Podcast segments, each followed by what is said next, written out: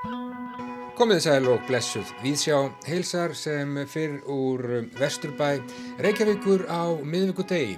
Ísland á filmu, nýjir sjónvastættir sem bera heitið úr ljóðabókinni, skaldsagan meira eftir Håkan Gundæ, Marja Madalena, Guðfræðideilur og Ritskoðun, allt í við sjá í dag.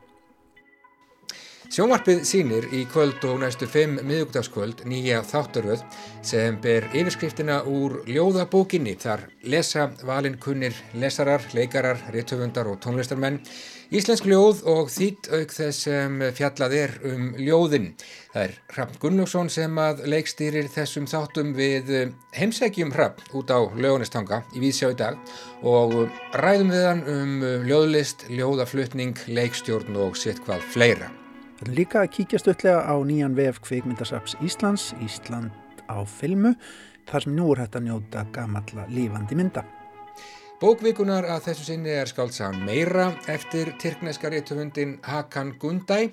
Bókin kom út í Tyrklandi árið 2013 og hefur síðan farið sigur för um heiminn. Höfundurinn hefur hlotið fjölda veluna fyrir þetta verk sem kom út í íslenskri þýðingu Fredriks Rapssonar í fyrra. Fridrik segir frá bókinni í Víðsjá í dag og Gunnar Hansson, leikari og útvarsmaður, kollegi okkar hér á Rás 1, lesur upphafskabla bókarinnar.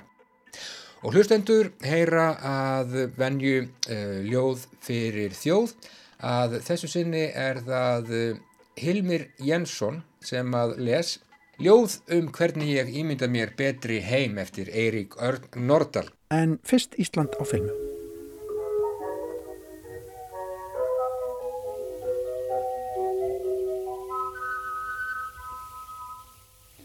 Við erum dottininn í tímavél ágættu hlustendur, komin niður í hliðarveruleika.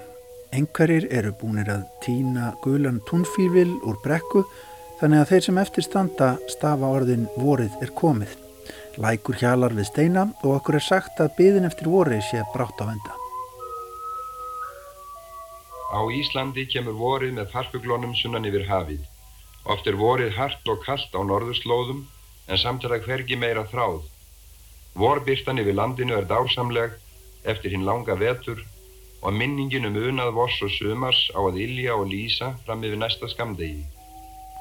Með fagnuði horfa menn á fugglahópan að fljúa inn yfir landið sem ekki er ennað öllu losnað úr viðjum ís og snjóa og farið sér að grænka í dölum. Menn vita að vorið er komið. Hér er það Kristján Eldjátt sem að talar í upphafi kvikmyndarinnar Ísland frá árinu 1959 eftir Ósvald Knútsen.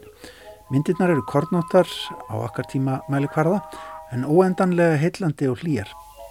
Gróanding klæðir landið grænum feldi. Þetta litla myndskeið er meðal þeirra fjölmörgu sem nú má njóta á nýjum vef kvikmyndasaps Íslands sem heitir Ísland á filmu.is. Tilgangurinn með vefnum er góður og ekki síst nú á okkar dögum að opna almenningi sínin í fágætan sapkost kveikmyndasaps Íslands.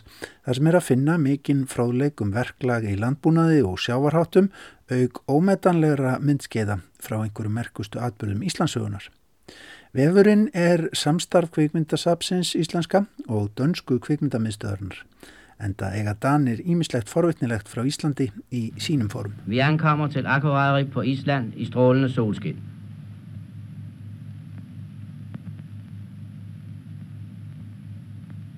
Her får vi lasten kompletteret, og efter et kort ophold fortsætter vi rejsen over til Grønland. Þarna á vefnum Ísland á filmu.is eru nú í fyrstu hátt í 300 myndir og myndskeið viðsvegar að á landinu. Smám saman verður síðan bætt á vefin eftir því sem stafvæðingu sapkostsins vindur fram. Íslandskort gerir það auðvelt að flakka um landið og finna myndskeið eftir staðsetningu hvar það er tekið. Stutt lýsing fylgir hverju myndbroti en nótendum gefst líka tækifæri á að setja inn aðtöðasendir eða ábendingar og auðvitað er hægt að deila myndunum á samfélagsmiðlum. Flest eru myndskeiðin hljóðlaus en talmyndir inn á milli. En er skolli heima? Nei og nei, þá er hann ekki sá sem hann er og nú veldur á miklu að styggja ekki írlingana. Ef þeir gefa frá sér hræðslu hljóð getur orðið býð á að fullornu dýrin viti grenisins.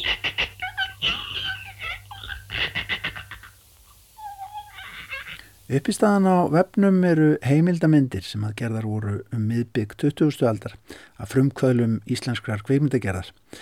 Mönnum á borðu Ósvald Knudsen, Óskar Gíslasson, Ásker Long, Sigurd Guðmundsson, ljósmyndara og fleiri. Elstamyndin Slökkvelisæfing er frá árinu 1906 og er líklega elstamyndin sem hefur verið tekin upp hér á landi. Hún fannst í dönsku safni.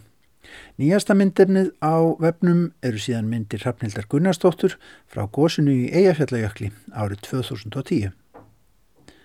Nýjvefurinn er frábær dagrastitting, stórmerkur fyrir skólakerfið og minnir mann á að ekkert er auðvelt í þessu landi. Hefur ekki verið og verður seint. Já, við sjá mælir með heimsókn inn á Ísland á filmu.is.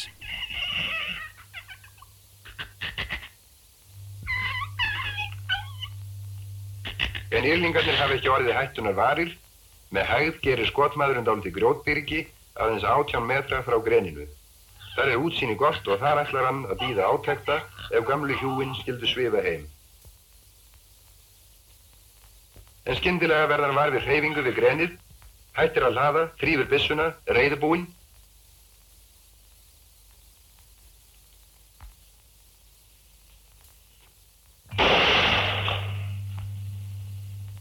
Þetta gekk vonum fyrr, þarna likur nú annað dýrið í blóði sínu, það ber ekki á öðru. Og þetta er Maddamann sjálf, fallin í fyrsta skoti.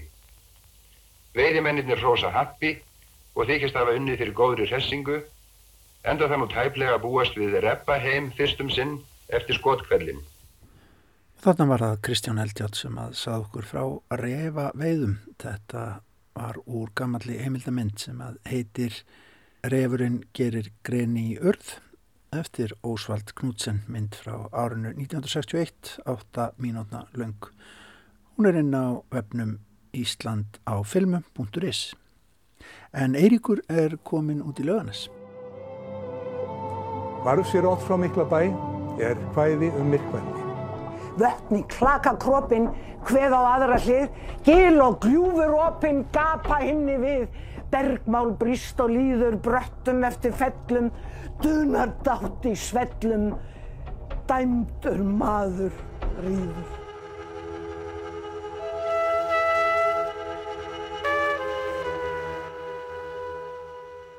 Ég kom hérna út í Lauganestanga, uh, sitt hérna í, já, þægilegri hafgólu, alveg niður við sjáarmál.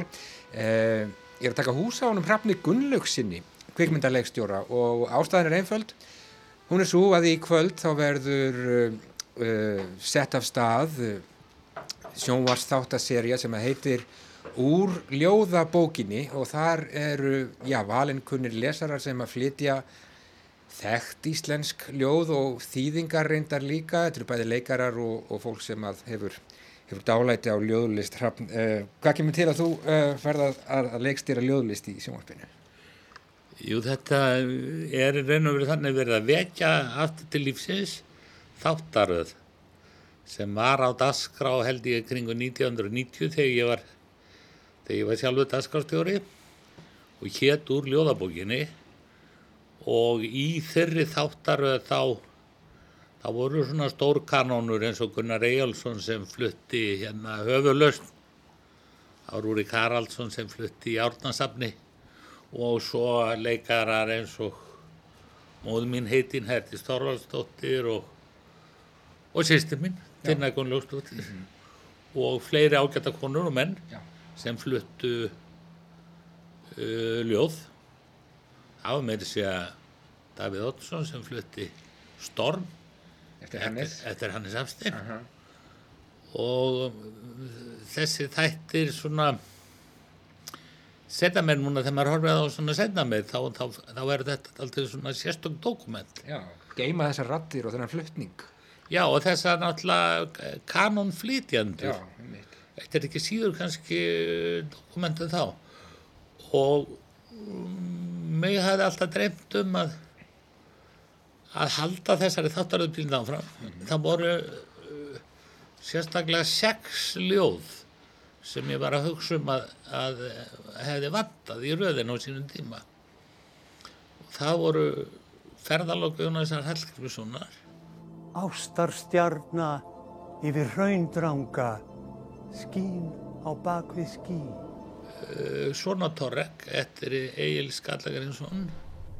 Veit ég ófullt og opið standa, sonar skarð er mér sjór og vann. Mjög hefur rán riskt um mig. Hvar sér að Oddsá Miklabæ Vötn í klakakropin, hveð á aðra hlið, gil og gljúfur opin, gapa himni við. og raunartölur gamalla léttlætis drósar eða konu eftir Jón, í þýðingu Jóns Helgasonar eh, eftir Frans og Víjón.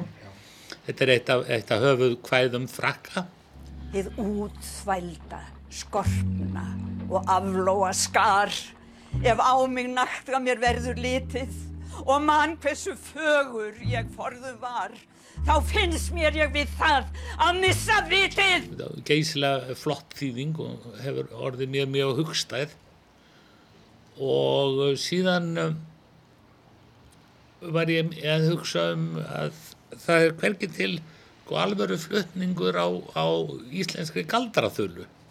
Já, snjáfællavísur eru Já, eða ekki. til dæmis snjáfallavísur sem að urðu þá fyrir valinu að þessu sinni. Já, eftir Jón Lærða. Já, og það er Hilmar Örn Hilmarsson allsýrjagóði sem flytur þá uh, kapla úr þeim. Marður, barður, meinsarður, veltist, meltist, fráveltist. Dökkur, sökkvi, djöful, skrokkur í dimmu, stimmu, þá rimmu. Og um, sko, svo eru þeir sem, þeir sem að kynna þetta, þessi uh, ljóð, sko.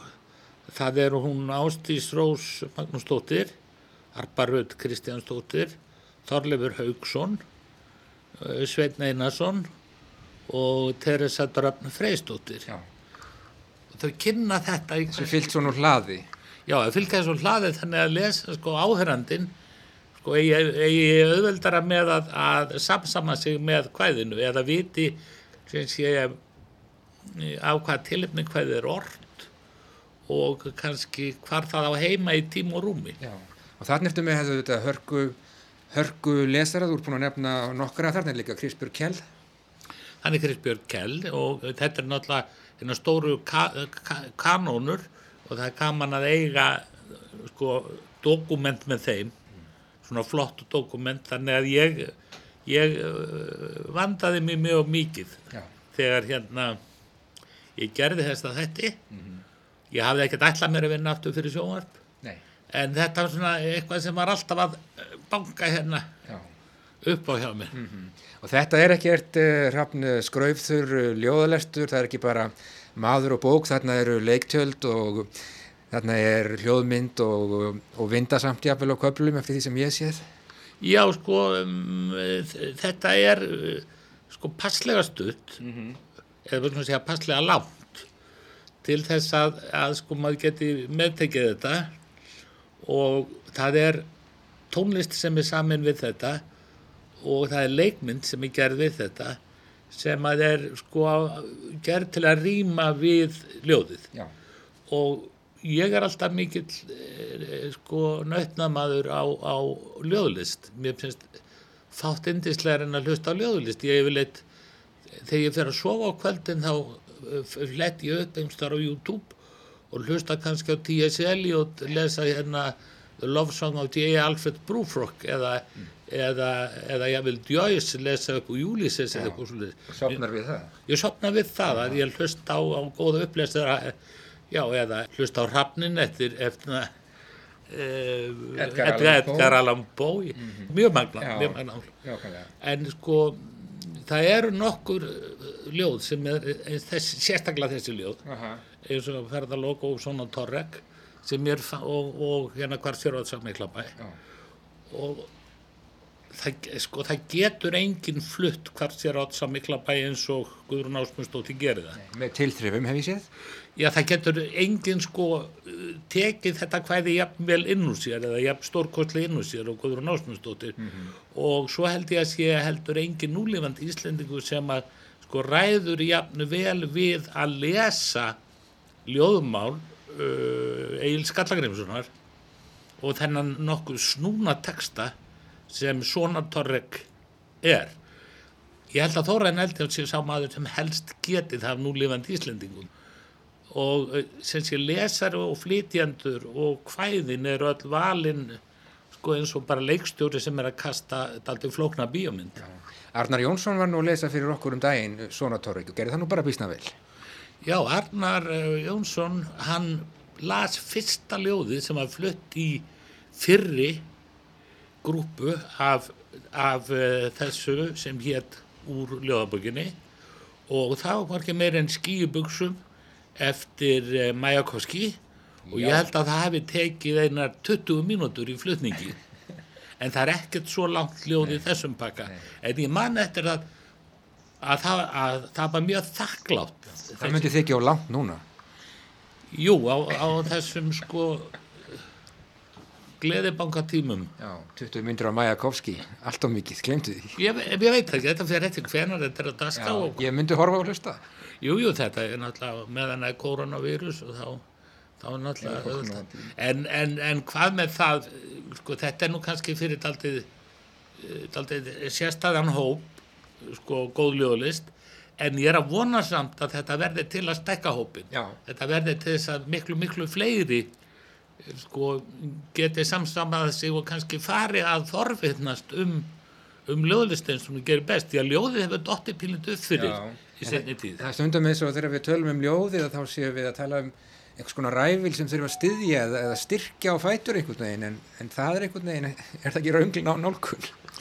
Já, það er uh, einhvern veginn, einhvern veginn hefur ljóð, ljóðlistin orðið pílítið út undan og það er vegna þess að, að tónlistin og, og rockvíti og, allt þetta er, er orðið svo sko afgerandi þáttur af, af okkar, okkar uh, sko veruleika. Já, já. Þannig að þetta sko að, að, að manna, manna þetta og taka þetta upp og, og gera þetta allt saman og setja tónlist við þetta og svona þetta var kannski ekki þegar uppist það er minna mál heldur en að gera heila bíómynd Nei, en er það ekki svo, ég veit ekki hvernig maður leikstýrir ljóðalestri? Eða þú ert með góðan leikara þá ertum komin ansið langt, er það ekki?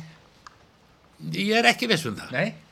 ég held að allir góðir leikarar vilji leikstjórn. Já, leikarinn er raun og veru eins og sko uh, hljóðfæri. Já, og ef þú ert með Stradivarius fiðlu þá ertu náttúrulega með bestu fiðluna sem til er. En þetta er alltaf spurning um hver leikur á fiðluna. Já, og ég held að þetta sé alltaf spurning um hver hinn leikstjórnarlega tilfinning og sín Já. er á hvert verk nákvæmlega. ég held að verði mjög fróðlegt fyrir menn til dæmis að heyra Kristberg og Kjell flytja á Sprengisandi því að við þekkjum helst á Sprengisandi eins og það sé verið að hristast í, í rútubíl rýðum, rýðum, rekum yfir sandin en þarna flytur Kristbjörg eh, þetta ljóð á allt, allt, allt aðra vegu heldur en ég held að menn sé- séu sko vanir því að heyra þetta ljóð. Já. Þei, þei, þei, þei, þauti holti tóa, þurran vill hún blóði væta góm.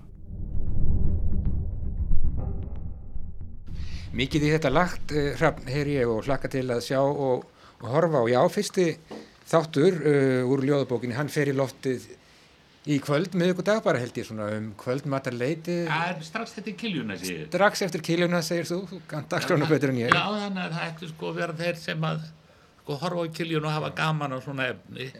Þetta ætti að koma beint á ettir alveg á háréttum tíma bara í blálokkin Hrafn Gunnlaugsson, ertu, ertu annars hættur að gera kvikmyndir? Já, ég hef sko glýmt við óbáðslega vant fótbrott í eitt og halvt ár núna og eiginlega valla verið rólfær. Þannig að ég hefði nú ekki geta gert það bara líkamlega. Og svo í öðru lagi þá finnst mér ég nú búin að vera svona að segja flestar þær sögur sem að ég þarf að segja. Að vísu skrifuðu við Ólafur Gunnarsson, við skrifuðum saman kvikmyndahandrit fyrir eitthvað þreim fjórum árum eh, sem hétt Svardagi. En uh, ég einhvern veginn kom mér aldrei að því að, að koma því verk í tökku Nei. þetta var það stórt og mikið verk. Þetta er alveg fegnali saga og flott saga. Og ég held að þetta sé eh, kannski flottasta handrið sem ég hef vunnið að. Já. og það var alveg ótrúlega gaman líka að vinna með Ólafi Gunnarsinni þegar ég held við höfum sko, bætt hvern annan upp. Það var svona einhver bílakemistri á millokkar þannig að þegar við fórum að skrifa þessa sögu svarnaga þá held ég að við höfum náða að búa til alveg sko makalösa sögu. Já. Skulum vona að svartagi komist á koppin en, en þanga til þá situr þú bara hér hrafn og uh, hlustar á öldugjálfrið og... Nú ekki nú með það, þetta ég rappa reglulega hérna út í hörgin Já. og tala við Frey. Já, hann er þarna. Ég þarf að sína þér það. Þú veist að koma út í hörgin Nei, nei, nei, nei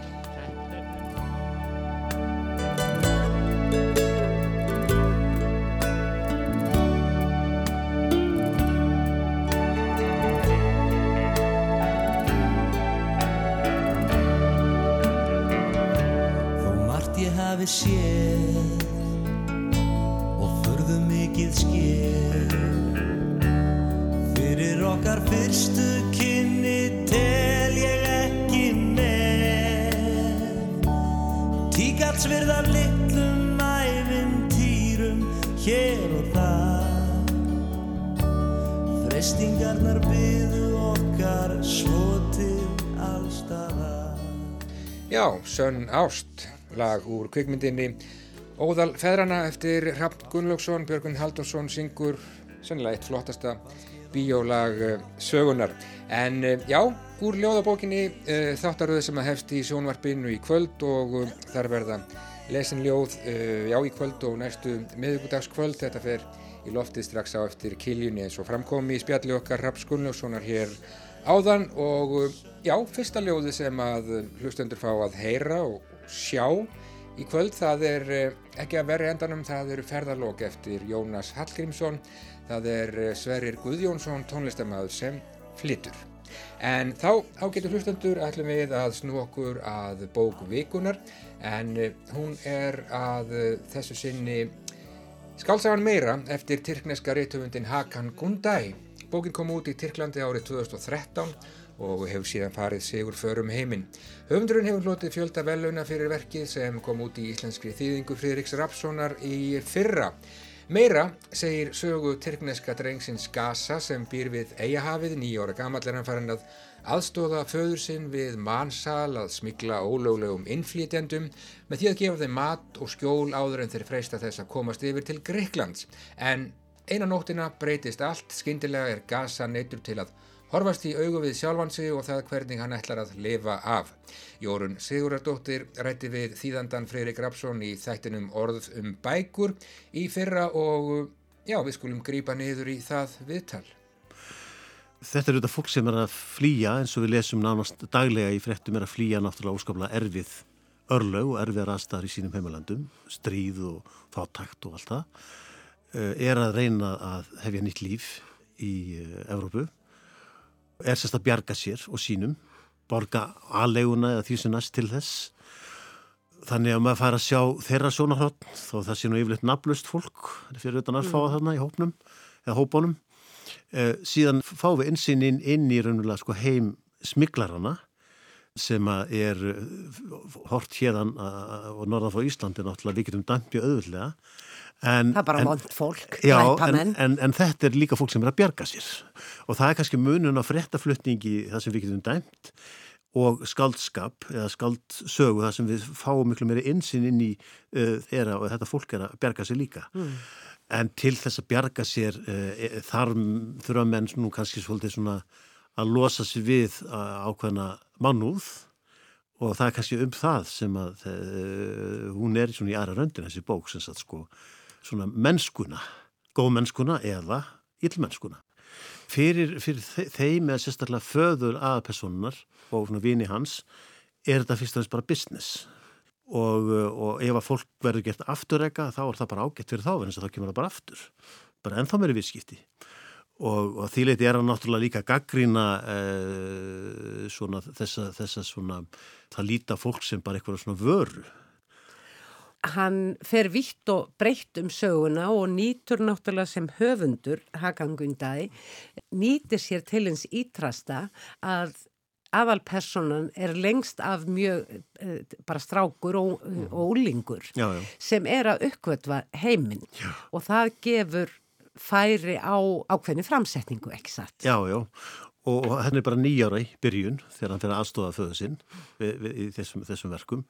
Og er auðvitað læra, lærlingur, svona vissuleiti, en hann er mjög klár, hann er afbrastnefandi en til þess að geta lifað við þessar aðstæður í þessum grimma heimi þá verður hann svolítið að skera burt mannúðina.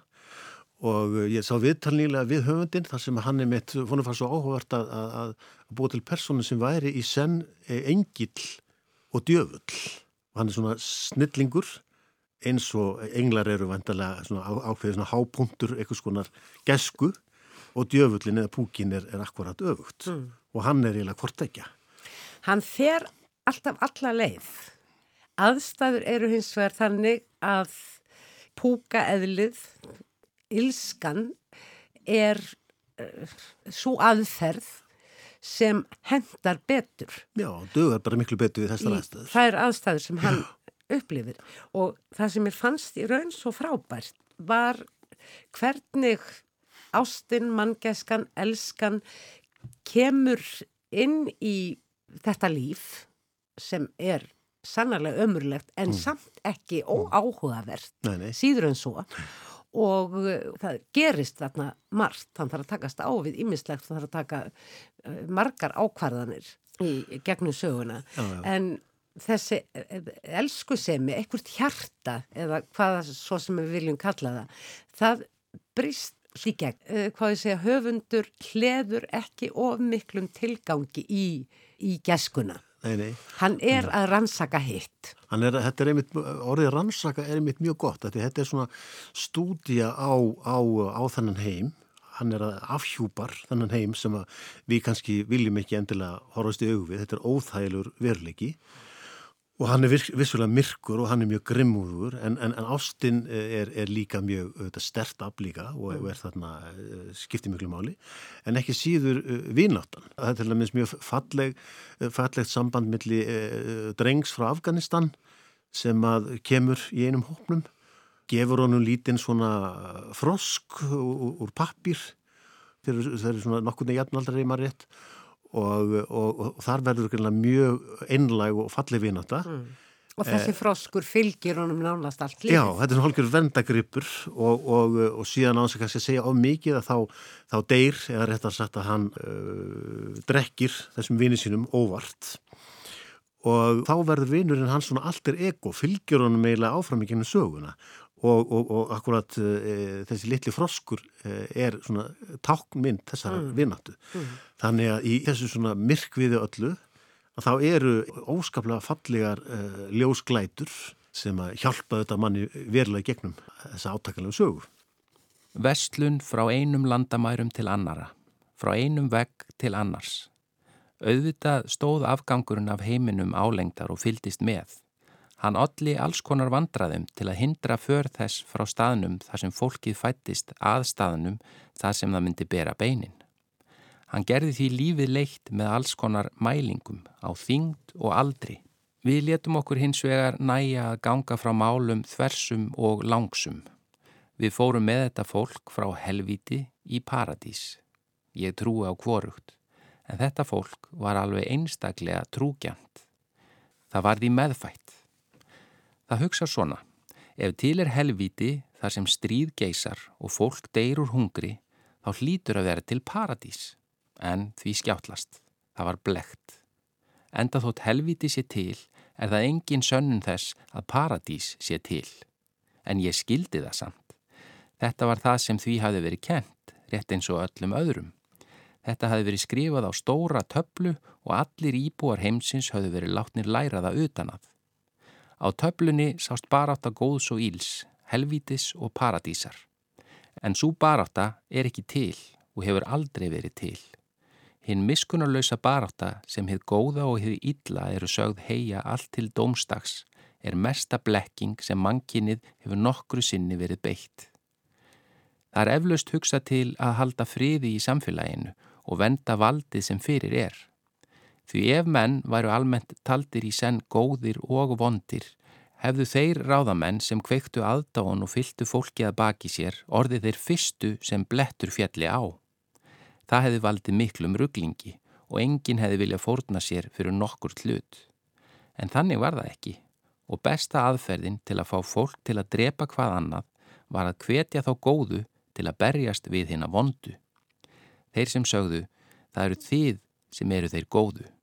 Meintu með því, farið og drepið fyrir mig. Og þeir sem sögðu, það eru þið sem farið í paradís. Gáð með því til kynna, þeir sem þið hafið drepið fara beint til helvítis. Þannig skipta paradís og helvíti, gott og ílt, þeirri skeppnu sem stundum er kölluð mannskeppna og setja hana í fáránlega stöðu. Tvo hluta sem óta hnífum hvorað öðrum.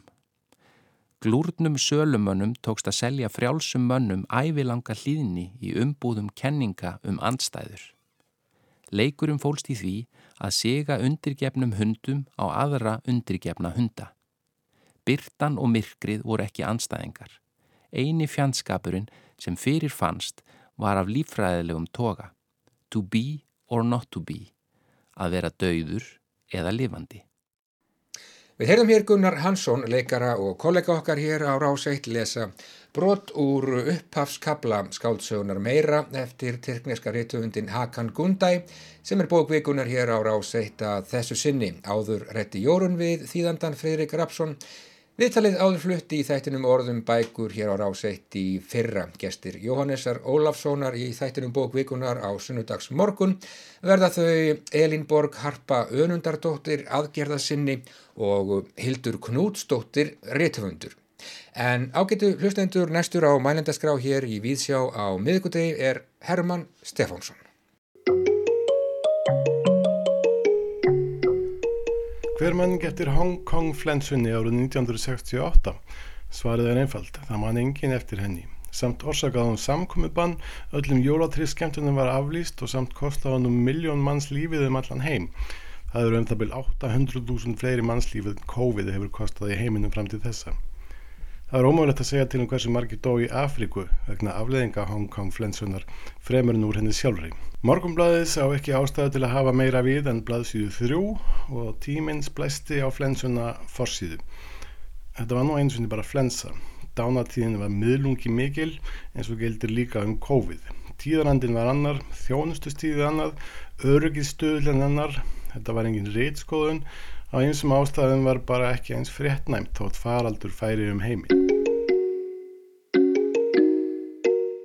Hver mann ekki Miriam frá Magdala?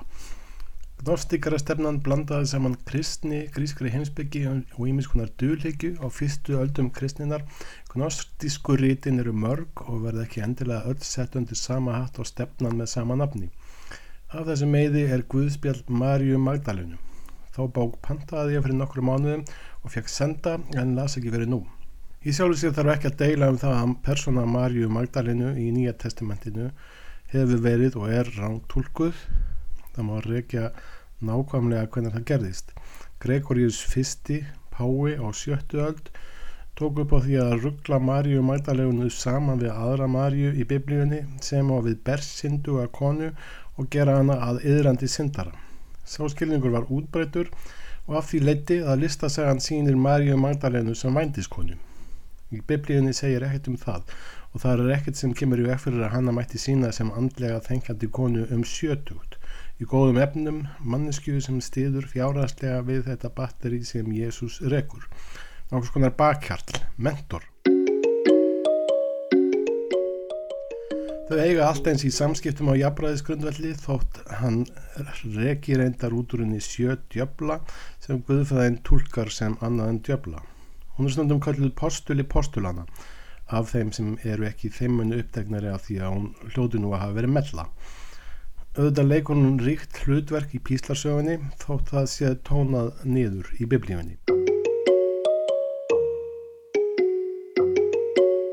Svo sem sérum þá útgáfi Guðspjall Marju Magdalenu sem ég hef undur höndum heitir Jean-Yves Leloup og er franskur mystíkur. Hann er valdan eitt sérstaklega vafasamur Guðfræðingur því að hann hefur vald á ford grísku og koptísku tungumáli Egipta og hefur þýtt Guðspjallið yfir á fransku. Það er svo aftur þýtt yfir á ennsku af öðrum þýðanda. Flest gnostísku rítin eru á koptísku og fundust í krukku í Nag Hammadi í Egyptalandi árið 1945 en Marja Guðspjallið fannst þó á 19. öld. Útgáfan á Guðspjallinu er tvítingt á ennsku og koptísku sem er gaman að sjá þótt maður skilji ekki bofs. Guðspjallið sjálft er ekki langt en með formóla og ágætum útskýringum leðlúp eða allir heldur útleggingum er þetta væn bók eiginlega skilur maður enska skýringatekstan rétt á meðan maður lesan en svo guðvar merkingin upp og skilur eftir sig seyðing í kvirlinum í grænt við heilastöðanar þar sem trúatilfinningin býr.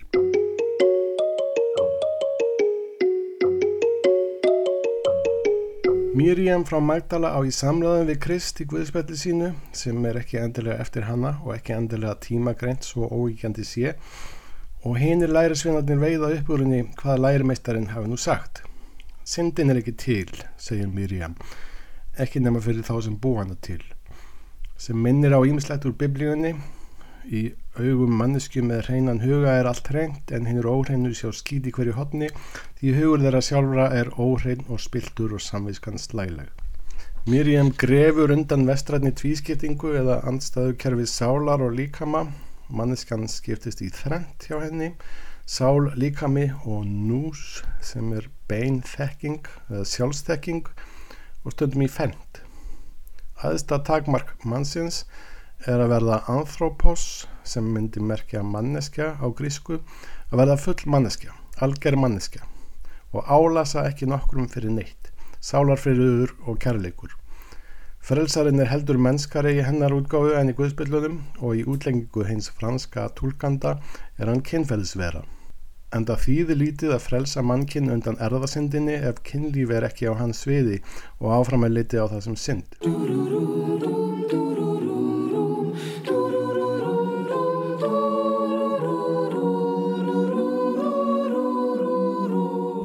Þrástef Miriam frá Magdala er hver sem hefur eiru, hann heyri. Þessi setning kemur nokkuð víða fyrir í biblíunni, hún er bæði í Mattiðsar Guðspjalli og í Markusar Guðspjalli og svipa orðalag kemur fyrir í ofinberi Jóhannesar. Tólkandin franski, leða lúp, geldur varhug við því að setningin sé tólkuð sem elitismi, það séu ekki endilega bara sumir sem getur numið spekina um hérna aðri mennsku, heldur getur hver sem er komið sér upp eirum ef hann leggur í þá fyrirhöfn og hefur hör ekki til þess. Miriam eða Leloup snýr öllum bóðum upp í val.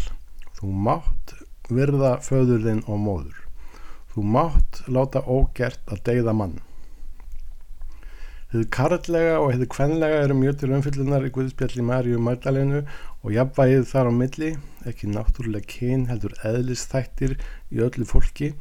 Kristur skal vera kynvera og Miriam sjálf hefur karlæga þætti tekur sér raunar kennivald sem ótvírætt heilheirir karlkinninu á hennar tíma og reyndar síðar. Stundum rennur hugtaki anthropos saman við androgin, ekki endilega í merkingunni tvítóla eða geldingur, heldur nokkus konar andlegt alkinn.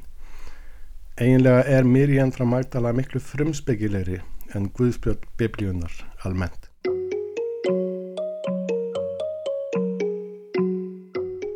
Lærisveinarnir ræða hvernig á því geti eiginlega staðið að frelsarinn eigi Miriam frá Magdala að nánast að trúnaðavinni og segja henni að vil fleira en þeim sem eru kartmenn, hún er kona. Þetta er settlað nokkuð örglega og þeir ger ekki meira veður út, út af því. Hins vegar blasir þetta við að engin kona hefur fengið inni sem höfundur í biblíunni.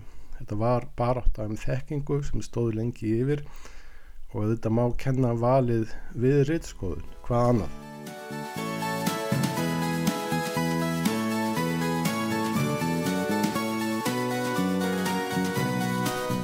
Og hver mann ekki eftir Júdasar Guðspjallinu?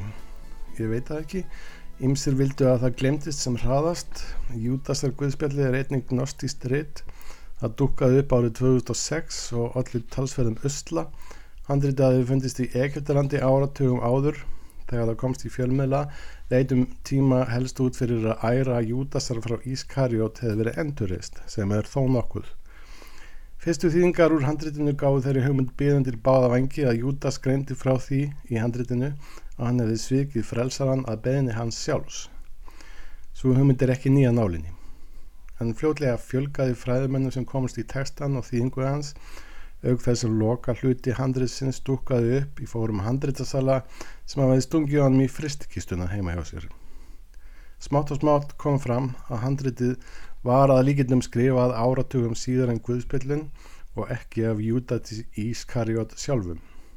Eftirvill var til eldri gerð á grísku en handriðið er á koptísku og einni heldur Guðfræðilegar hugmyndir sem voru á kreiki á annari öld eftir Krist. Höfundurinn er fyrst og síðast að skjóta á hinalæri sveinana sem hann finnur ímillega til fóratu. Hann notar samband Júdasar og Jésu sem á sínir þess fyrrnemda til að leiða í ljós bresti hinalæri sveinana. Og í raun og veru vakir ekki fyrir honum að haldmara læri sveinanum sjálfum heldur beinist gaggrinni hans fyrst og síðast en mjög óbeint að þeirri stefnu sem Kristinn Kirkja hafi tekið á frum árum sínum. Stopnarnavæðing kristninar er skótspotn höfundarins og kirkjan vissi vel af tekstanum og hafði líst hann trúvillu á fyrstu öldum kristninar. Biskup yfir Gallíu, Írinni aðus á nafni, áleit Júdasar Guðspjall skáldsögu.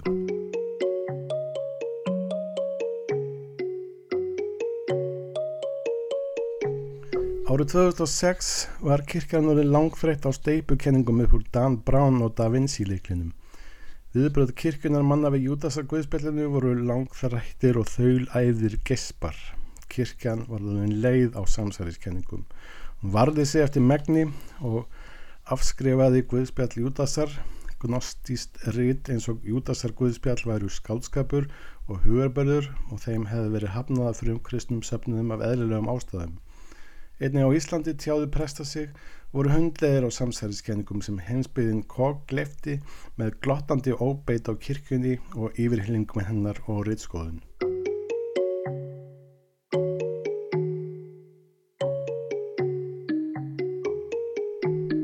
Með réttið að raungu var Júdasa Guðbjallið tólkað börst. Guðfræðileg tólkun er ekki mennlust fyrirbæri fremur en annu tólkun.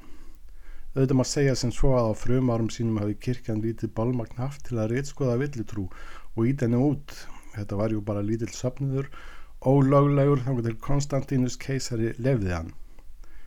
En þó voru ímsir streikaður út frekar fljótlega, til dæmis Jakob, bróður frelsarans, sem var reynlega skuttlað fram á svölum og síðan grítur þegar það ekki dögði. Tilvist hans og hinna sískinana kom ekki nógu vel heima saman við það hugmynd að Marja mei skildi vera mei og því kvarf þessi sískinahópur sporlaust eftir þessum framliðu stundir. Þó er tilvist þeirra ekki síður skjálfest en ymslegt annað. Hver manni getur deilunum um júdasakvöðspjallið? Kanski ekki margir. Þó eru guðfræðilegar tólkunadeilur ekki svo algengar í nútímanum, eins skemmtilegar og það gáttu verið á miðöldum. Deilur um hvaða tungumál sem manninum eðlislegt og hafi verið talað í aldingarðinum Hver skulu vera virðingast í engla, í englafræðinni? Hvort margir englar getur verið á sama stað í einu, hver inni í öðrum? Það mátti deila um ímislegt í káðskunni með öllum sínum kennjum og tíma þar sem meðal helgra muna voru bútar af forhúð Kris en þar sem Kristu var gíðingur var hann umskorinn og var þá hluti af líkamahans eftir á jörðinni við upprýsuna. Öll þau reyðunar bísnafinni helgu forhúð sem hefði voru í öndvægi í európskum kirkjum hafa tæpast geta verið ekta nema að gert sér að fyrir í meira lagi ójarnestikli stærð. Flísarnar af krossinum eina á við og drefum Evrópu hefðu sömulegði stugað í heilan skipsfarm eins og Calvin orðaði það hæðnislega eftir hann tók til við að eðriki allt sem skemmtilegt var. Menn viktuðu flísarnar og áalliðu magnið, það var ekki svo mikið.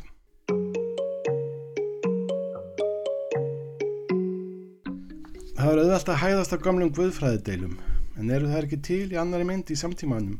Farað er ekki kunnulega leiðir eiga viðkomu í föstum póstum fjalla um bannfæringar og reytskoðun og hvenar það síðan nefnda ég rétt á sér en leiða svo alls ekki til leins fólk hefur eins og húmor fyrir þeim Ég hef stundum horta ágæta upplýsingafundi almannavarna í beinni klukkan 2 Ég veit ekki alveg hvort það ljómandi goða fólk sé á réttu róli þegar það fer út í hluti eins og samfélagssáttmála og þegar ymbrar á því að ekki sé rétt að gera grínað kófinu og að vara skuli falsfréttir og rangar upplýsingar. Ég held að þau ættu kannski að halda sig við sitt eigið fag og láta okkur hinn sem hugsa meira um tjóningafrelsi frekar um heilræðin í þeim efnum. Hver einustu pest í mannkynnssögunni hefur fyllt ógrinni af hindurvitnum og vittleysu. Þótt slíkt megi leðrita verður ekki komið í veffiliða. Stundum er ekki bara óhjákvæmilegt, þetta er gott og nöðsilegt að villukenningar fá að vera á kreiki. Og grín, auðvitað. Ég veit ekki hvernig fólk heldur að Íslandingar hafi komist í gegnum alvarlega hluti í gegnum tíðina nema með því einmitt að hafa þá í flintingum og það sem svæstast. Stórskáldi Látra Björg orti þetta hvæði hér þegar hún horfið á mann renna í hálku og rapa fyrir Björg. Fallega það fer og nett flug, hálkan er undir, hann er að rapa klett af klett, komin niður á grundir.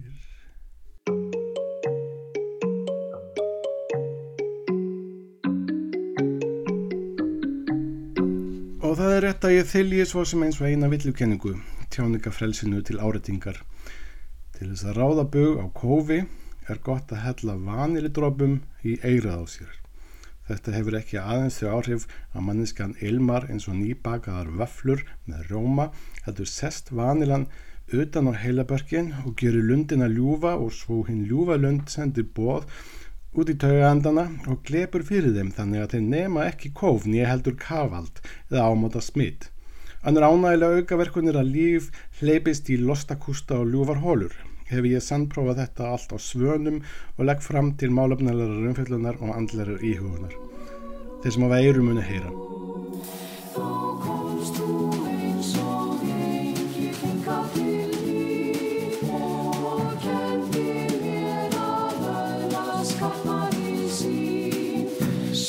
kemur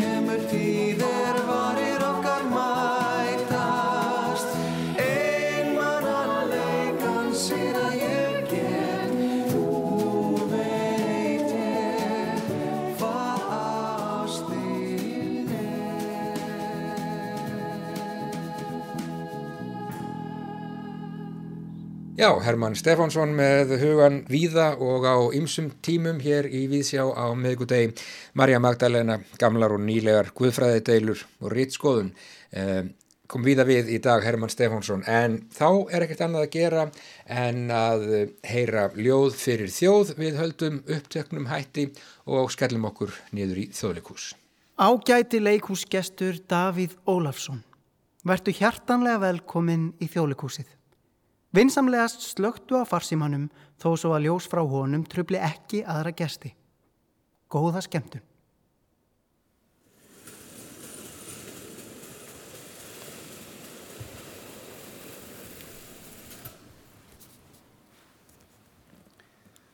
Ljóð um hvernig ég ímynda mér betri heim eftir Eirík Örn Nordal. Eða svona ímynda ég mér betri heim. Það eru færri skí, minni vindur, fara fólk, færri bílar. Heimurinn er allur minni og fámennari. Það er alltaf tími. Allt er fyrirgefið. Í raunveruleikanum er kaldlindið miskilið háð. Geðvonskan ást með annari aðferð og á svo marga vegu verður margbrotnu eðli okkar mætt með meiri þólinnmæði í betri heimi. Eða svona ímynda ég mér betri heim. Ég spyrst fyrir. Ég læt framkvæma skoðanakannanir og haga mér í samræmi við útkomuna. Vill fólk í raun og veru betri heilsugjæslu? Vill fólk í raun og veru meiri frítíma? Vill fólk í raun og veru ríða meira og svona, borða meiri sætindi og svona, vera lengur í ræktinni og svona? Eða svona ímynda ég mér betri heim. Ég loka augunum, sest klofvega á minn innri helgidóm og þeitist stjórnlust um, þrættur upp á meterslanga snúru af óframkölluðum og ósálráðum dickpics. Eða svona þeitist ég stjórnlust um. Ég grípum öklan á mér, tegjum upp í heiminin og ímynda mér betri heim. Eins og það sé vona á úrkomu. Eins og það gæti gerst. Ég grípum öklan á mér, tegjum upp í heiminin og öskra á skíin. Ég sættist við minn innri helgidóm, kalla hlutina sínum réttu nöfnum og týsti hanslust um hashtag Gamergate því einhver verður að gera það. Eða svona ímynda ég mér betri heim. Ég ákvarða það og býð. Ég ákvarða það og ég býð. Svona ímynda ég mér betri heim. Ég ákvarða það og svo býð ég. Eða svona ímynda ég mér betri heim. Ölvaður er allt gljáandi, skínandi, einhvern veginn örugara og fallegra í senn, ertanlegra. Þú hrasar og tekur alla eftir því. Dettur og fallið missir af þér. Heimurinn er í umbúðum, þú ert bólstraður. Við erum öll eitthvað svo ótrúlega lamineruð. Ekki bara hætta að halda áfram að vera fullur. Eða svona ímynda ég mér betri heim. Hann brestur í söng. Samsöng. Beðan á sannri sögu ótrúlegar átjánára einfættra stríðsjáðrar afrískar móður, sex fyrrum grimmustu barnahermanna Kongo sem urðu síðar demantasmiklarar. Og það hvernig draumur hennar um að sjá velvettir í Volver live á baki tvíhendum snípneldum einhyrningi varð að veruleika fyrir sakir töfra hópfjórmagnaða smálána. Og þú trúir því aldrei hvað gerðist næst. Eða svona ímynda ég mér betri heim. Þú borðar grænkál og blómstrar. Borðar tíafræ, bulgur og akæber og blómstrar. Þú bústar og þú böstar og þú blómstrar. Þú ótt alltaf einhverfa í hugun. Þú ótt alltaf geðlif.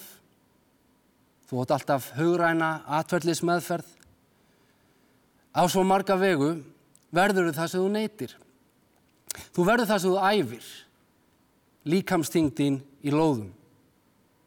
Það er vísindarlega sannað að þú lifir á því sem þú stingur upp í munnin að þér. Þetta er ekki einu svoni ígjur um hvernig ég ímynda mér betri heim. Ef eitthvað er, þá dreg ég hér úr því hvernig ég ímynda mér betri heim. Þetta er rétt svo brotabrót af því hvernig ég ímynda mér betri heim. Og svo framvegis, og svo framvegis.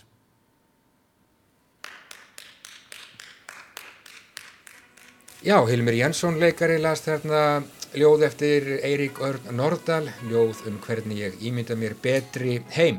Þetta var ljóðdagsins hér í Víðsjá í dag og þar með erum við eiginlega komnir á leiðarenda í dag. Á morgun þá er alþjóðlegur jazzdagur, það verður jazzað út um allan heim og já, við ætlum að jazza líka hér í Víðsjá, verðum í beitni útsendingu frá Kaldalóni þar sem bóðu verður upp á lifandi jazz tónlist og um, spjall um jazz og kannski sitka fleira. Þetta verður í beitni hér á ráseitt á morgun og held ég bara líka í sjónvarpinu.